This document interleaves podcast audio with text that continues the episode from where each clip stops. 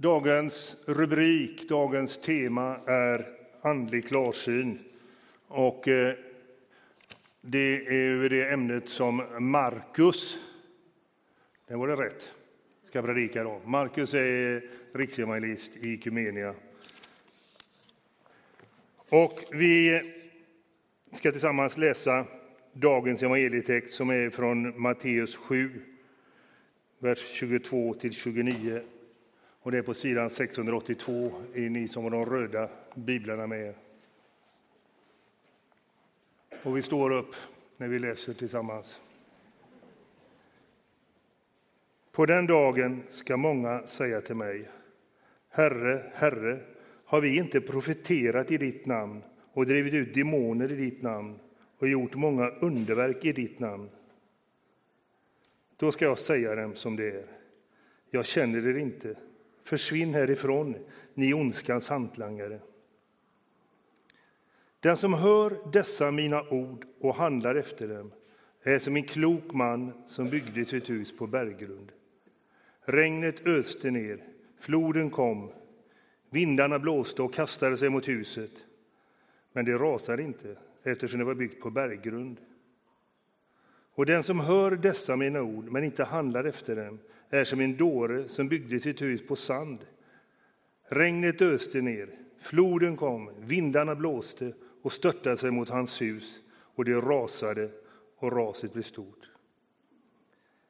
När Jesus avslutade detta tal var folket överväldigat av hans undervisning, och för, hans, för han undervisade med makt och inte som de skriftlärda.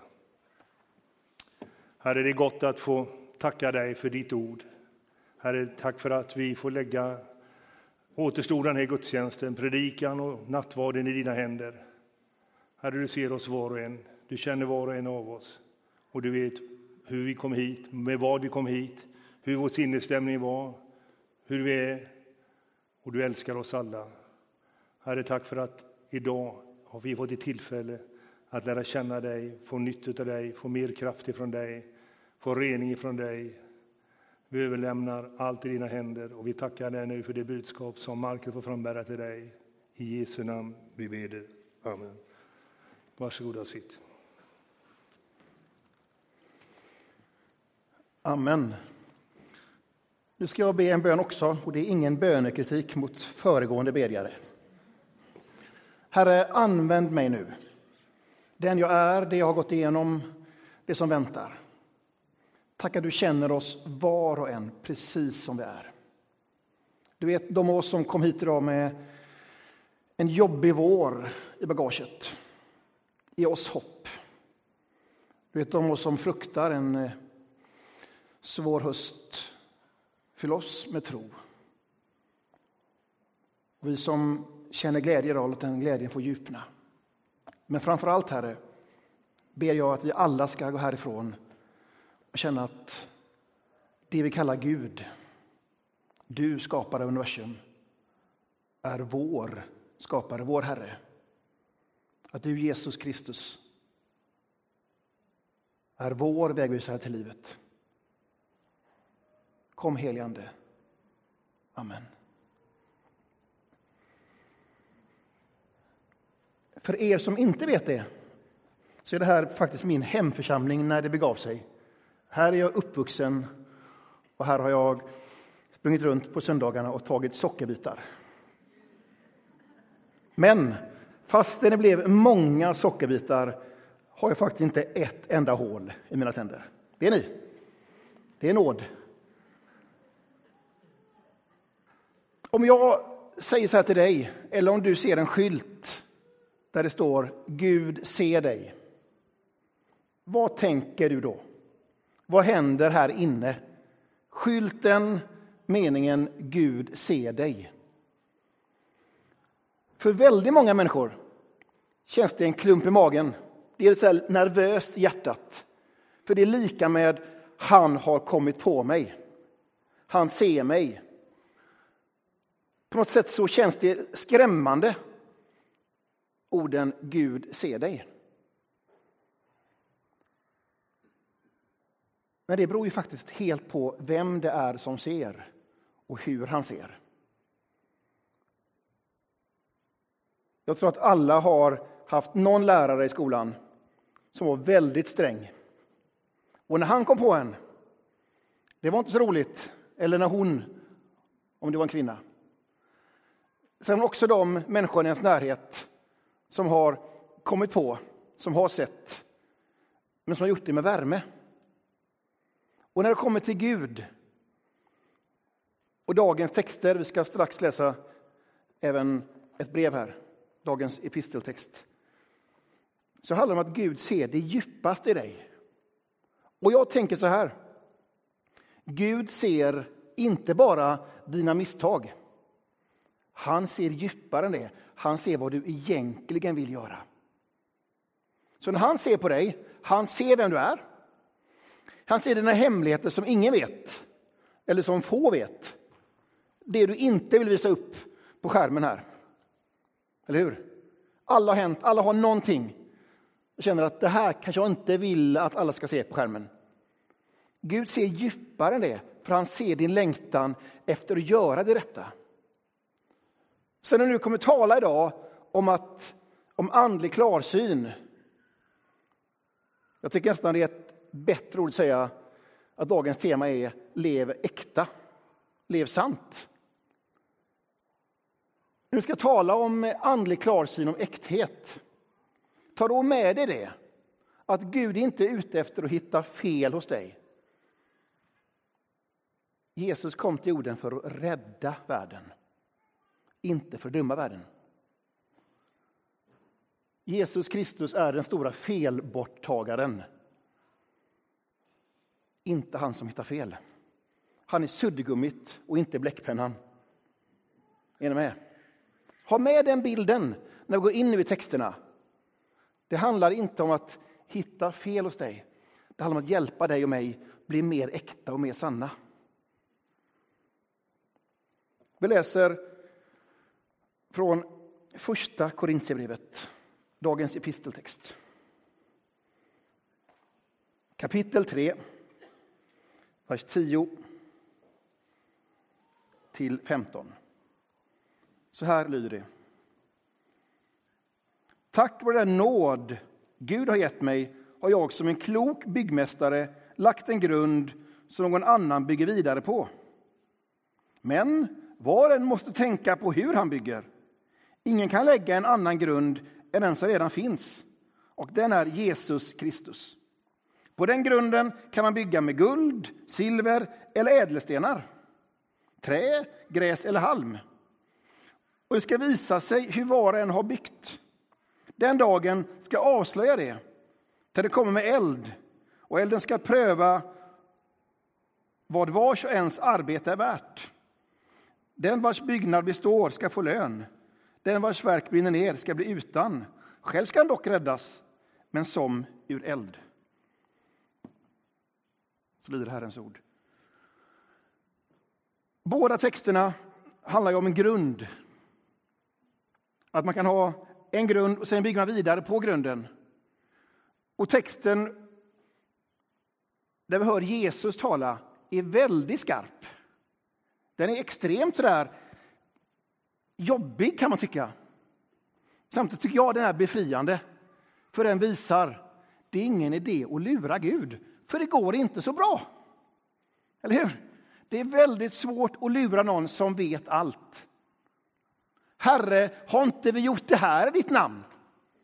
Har inte vi gjort massa mirakler? Har inte vi stått på de stora scenerna världen över och predikat? Eller har vi inte gjort det här i den lokala kyrkan? Problemet är att hjärtat var uppenbarligen inte med. Petrus säger att gå härifrån, jag känner inte. Era hjärtan är inte hos mig. Vad Gud vill komma åt är våra hjärtan. Våra hjärtan.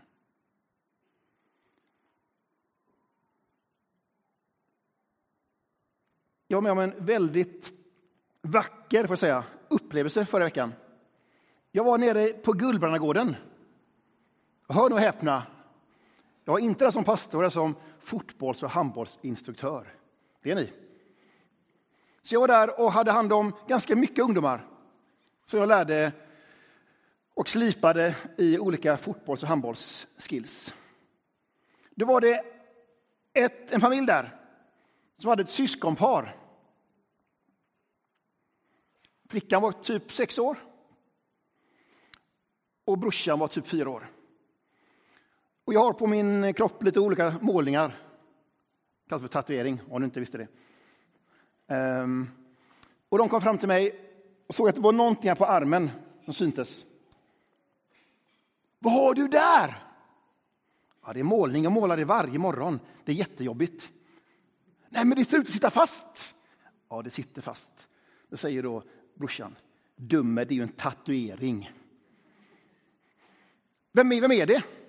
Så lyfte de på min t-shirt. Varför är han så ledsen? Varför gråter han? Varför har han taggar på huvudet? Vem är han? Och då förklarade jag så enkelt jag kunde på typ tre, fyra minuter. Hur ska man förklara vem Jesus är? Varför han dog och att han uppstod. Att livet besegrade döden.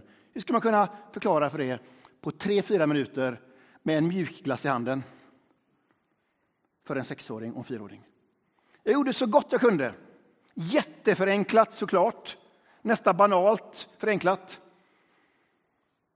Förklarar jag att Jesus kom till jorden, mötte människan där människan är. På vår nivå. Där mötte han människan. För att lyfta upp människan till Guds hjärta. Och då började tjejen pussa Jesus. Och klappa honom. Och krama om honom. Och sa Jesus, jag tycker i alla fall om dig. Även om inte alla gjorde det. Och jag först tyckte det var gulligt och sött. Så fick jag världens mest skarpa blick som bara ett barn kan ge. Klarblå ögon, helt oskyldiga. Det var faktiskt som att se in på något sätt i skaparens ögon. Så sa den här lilla flickan på ungefär sex år. Markus, det är inte dig vi pussar bara så du vet. Vi pussar Jesus. Det är han vi klappar, kramar och pussar. För honom tycker vi om. Vänner, där har vi grunden. Där har vi grunden. Det är det som är grunden, inte våra ansträngningar. Om inte, inte det är grunden för vår tro, att vi är djupt älskade av Jesus, djupt älskade av skaparen själv, då blir faktiskt hela kristna tron mer eller mindre en prestation du ska leverera och leva upp till och stå till svars för en mattelärare och kolla hur mycket vi har fått i betyg.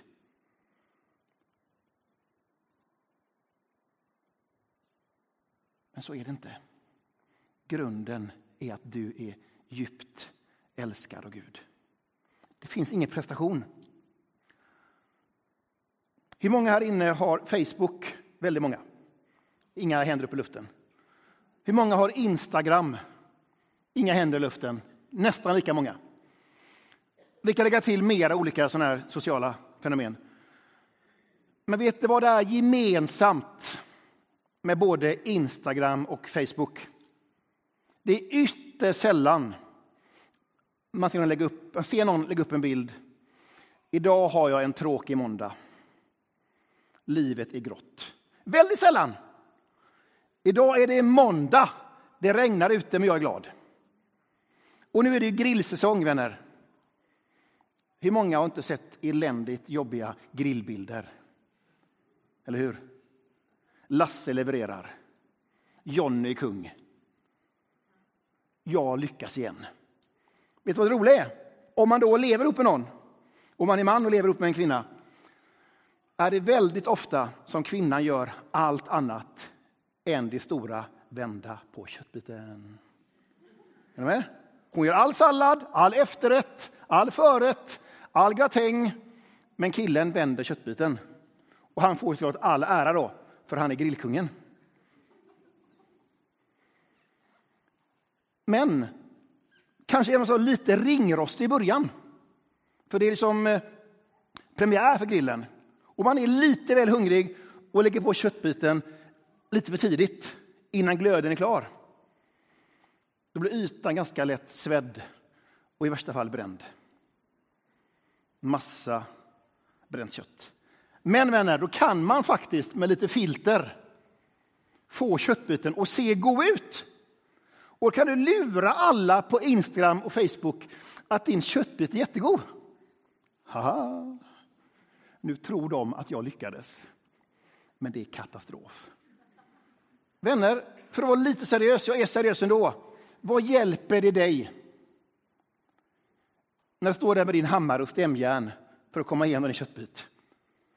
Att de som följer dig på Instagram eller har dig på Facebook tror att din köttbit är god. Vad hjälper dina smaklökar? Vad hjälper det familjemiddagen? Vad hjälper det er kompisträff? Eller vad hjälper det dig när du är själv i grillen? Vad hjälper det dig om dina vänner tror att du har det bra med Gud?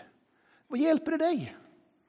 Vad hjälper det dig om alla runt dig tror att du är en jättehelig man? När du egentligen vet att det är lite si och så med det. Tänk om vi kan ta bort våra filter, ta bort våra masker och sluta försöka visa upp så mycket och istället ta emot. Ta emot. Religion är som samlingsnamn såklart för, för all form av andlighet. Men i väldigt mycket religion, oavsett vilken religion det är. Om jag gör det här, då gör guden, gudarna det här. Om jag gör lite mer av det här, då får jag lite mer ifrån guden, gudarna. En slags trappa där jag tar ett steg och Gud tar ett steg. Eller gudarna tar ett steg. Men det börjar med att jag gör, jag presterar. Jag ska börja offra. Men då kommer Jesus Kristus och vänder på hela, på hela tanken. Han gör en revolution.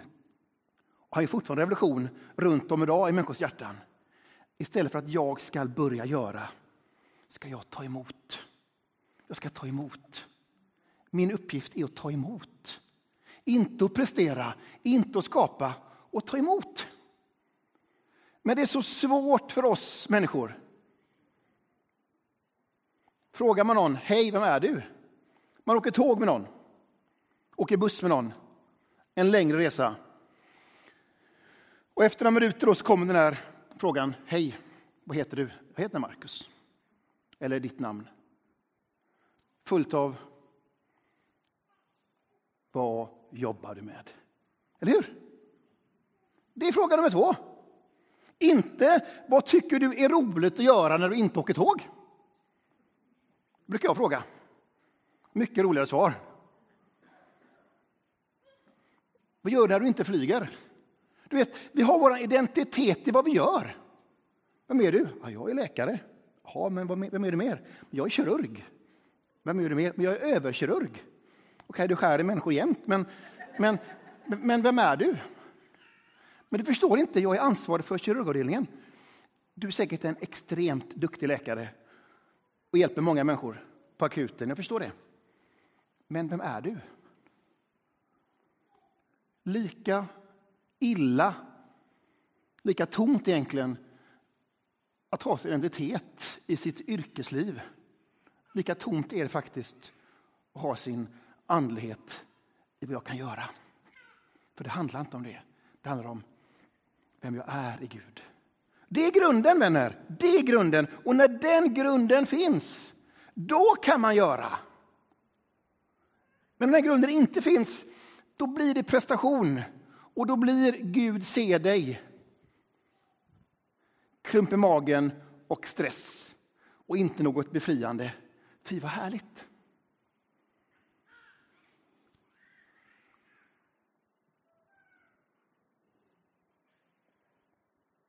Min bön för mitt liv och min bön för våra liv att du ska faktiskt våga ta av oss all vår duktighet, all vår förträfflighet och lägga en grund som är naken och enkel.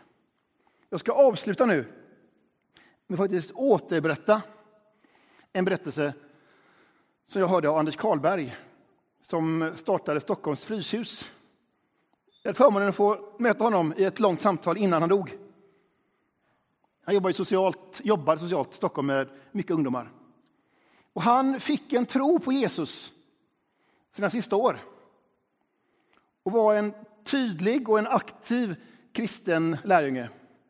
Hade dock väldigt svårt för många kyrkoformer, hade väldigt svårt för många kyrkouttryck och hade svårt för att ta till sig hela kyrkoapparaten. Men han trodde på Jesus. Så sa han så här. Han berättade att en man hade en dröm. Och jag blev faktiskt inte riktigt klok på om det var, om det var hans upplevelse eller om var påhittad. Men det verkade på hans ögon som att, på något sätt, som att det var hans upplevelse. I vilket fall som helst, om den var helt fiktiv eller om det var hans upplevelse, det låter jag vara osagt. Men så här berättar han med ögon fyllda av allvar. Det var en man, en affärsman. Han var väldigt framgångsrik.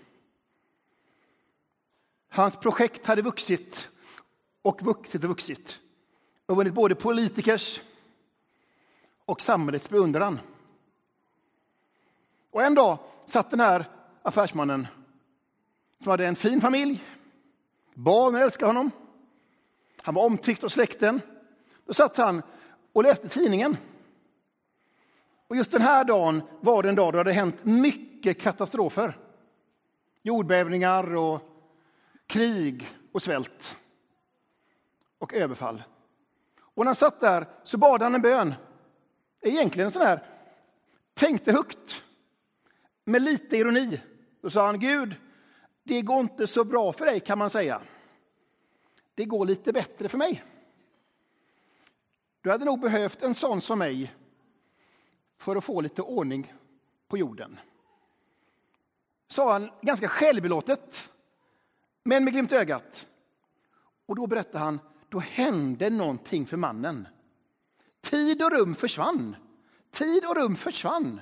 Han var inte längre i sitt köksbord med sin dyra kaffe. Fin kaffesort. Han var inte där längre. Han var på ett fält.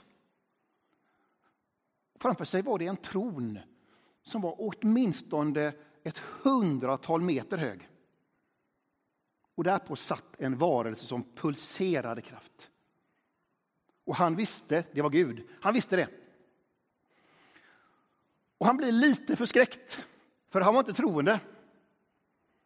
Då, men blev det ganska snabbt. Då sa den här varelsen, Gud, till honom. Så du tycker att jag behöver hjälp? Då blev han väldigt nervös, för det var ju en stor, stor gestalt. Men samtidigt kände han, ja, ja, ska jag vara ärlig så tycker jag nog det. Bra, sa Gud. Så du vill jobba för mig? Ja, det... Ja, bra. Du är anställd. Ja, vad ska jag göra då? Innan vi kommer till det så har jag ett krav. Alla mina anställda måste jobba nakna. Men, det känns lite obekvämt. Jag har sett dig födas. Jag har sett dig krypa. Jag har sett dig börja gå. Jag ser dig duscha varje dag. Ja, det är ju i och för sig sant. Men, sa, det här då, eh, sa Anders, eller mannen då, på ett villkor, att du också är naken, Gud. Gud sa deal. Och han började ta av sina kläder då, och det var väldigt svårt märkte han. För först hade han en kavaj.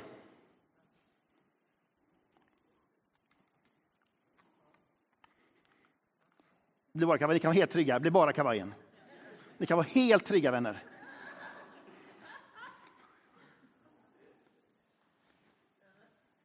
Kavajen symboliserade hans 20 år som chef i olika företag. Det var så svårt att ta av sig den, ta av sig sin identitet som chef och duktig ledare. Det var jättesvårt att ta av sig den. Det satt så långt inne. Så det tog ganska lång tid att ta av sig kavajen. Under det hade han sin vita t-shirt. Sen hade han sina cowboyboots. Oj då, det var det här ja. Det var hans tid som ung vuxen. Med massa kraft och familjen bildades. Och på något sätt, det, var, det var mannen, den starka mannen som löste det själv. Den starka mannen. Och det var nästan ännu jobbigare att ta sig hans häftighet. Men tog av sig sin vita t-shirt, sina slitna jeans och sina spetsiga cowboyboots. Under det fanns det en pyjamas. Och då var det en liten pojke i en Superman-pyjamas. En liten pojke på se sådär fem, sex år. Med Superman. Och då kom han ihåg vad mamma sa när pappa lämnade familjen. Nu är det du som är mannen i familjen. Nu måste du vara stark. Nu är du familjens stålman. Och ta av sig den var nästan ännu jobbigare. Under det var det den lilla pojken i kalsonger. Och barn är så söta. De kan springa runt helt nakna vid stranden utan att vara generade. Men med kalsongerna på, då är det jobbigt. Eller hur? Så han var lite blyg i sina små kalsonger. Oj då, Gud ja!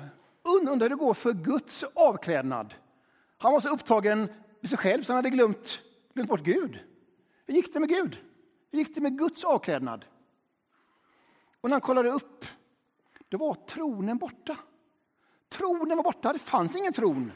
Den enorma, väldiga gestalten var borta. Istället satt det en man i mänsklig storlek. Helt naken, fastbultad på ett kors. Helt naken. Oskyldig som ett barn. En vuxen i kroppen. Och han skulle precis fråga, men vem är du? Så tog mannen muttans blick och han visste, det var Gud. Då sa Gud, ja, så här ser jag ut utan kläder.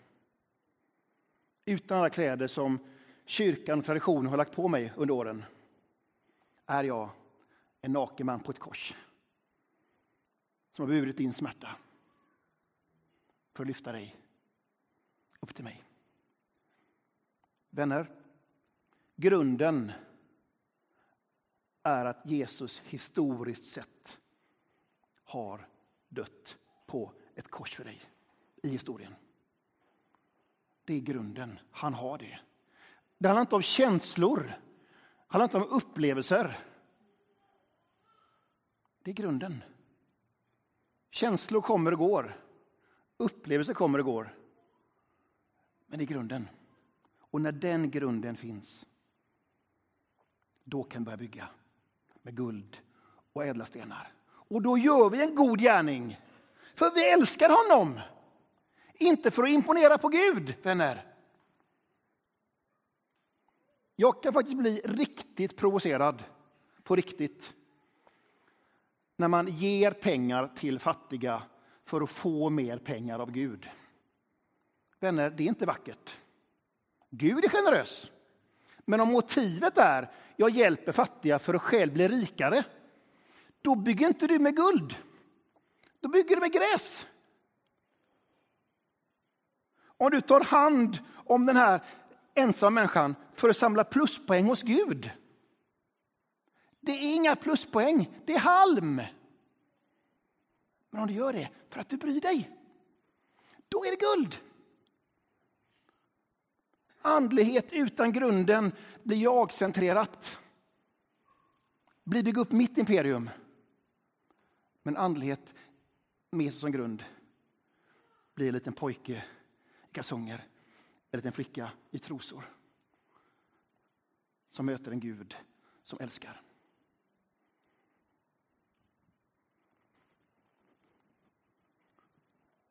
Låt oss be tillsammans. Herre, jag tackar dig för att du är unik på många sätt. Du är skaparen, men du är också unik, Gud. För du har förmågan att älska alla mest. Att älska alla mest. När du ser på mig, då är jag det mest värdefulla i universum. Och du menar det. Vad jag än har gjort och inte gjort. Vad jag än gör och inte gör. Men så fort du ser på min vän bredvid mig, min granne, då händer samma sak i ditt hjärta. Då är han eller hon det mest älskade, det mest underbara i universum. Vad han än har gjort och inte gjort, vad han eller hon än gör eller inte gör. Tack att du älskar oss alla mest. Herre, hjälp oss att inte leva ett andligt Instagram och Facebook-liv. Då det är viktigare att se bra ut än att vara bra ut. Då är det viktigare att ha en fasad än att ha en sann insida. Kristus Jesus, förlåt mig för den gången jag har hycklat och varit falsk. Förlåt oss för det. Herre, vi vill inte få höra orden försvinn härifrån, jag känner inte. Men tack Herre att orden Gud ser dig. Det betyder du älskar oss. Det är det de orden betyder. Gud ser dig betyder Gud älskar dig. Det betyder att han älskar dig så mycket så att det som inte är bra för dig, det vill han ta bort ifrån dig så du slipper plågas av det. Såväl egoism som inre sår. Gud ser dig och Gud älskar dig. Amen.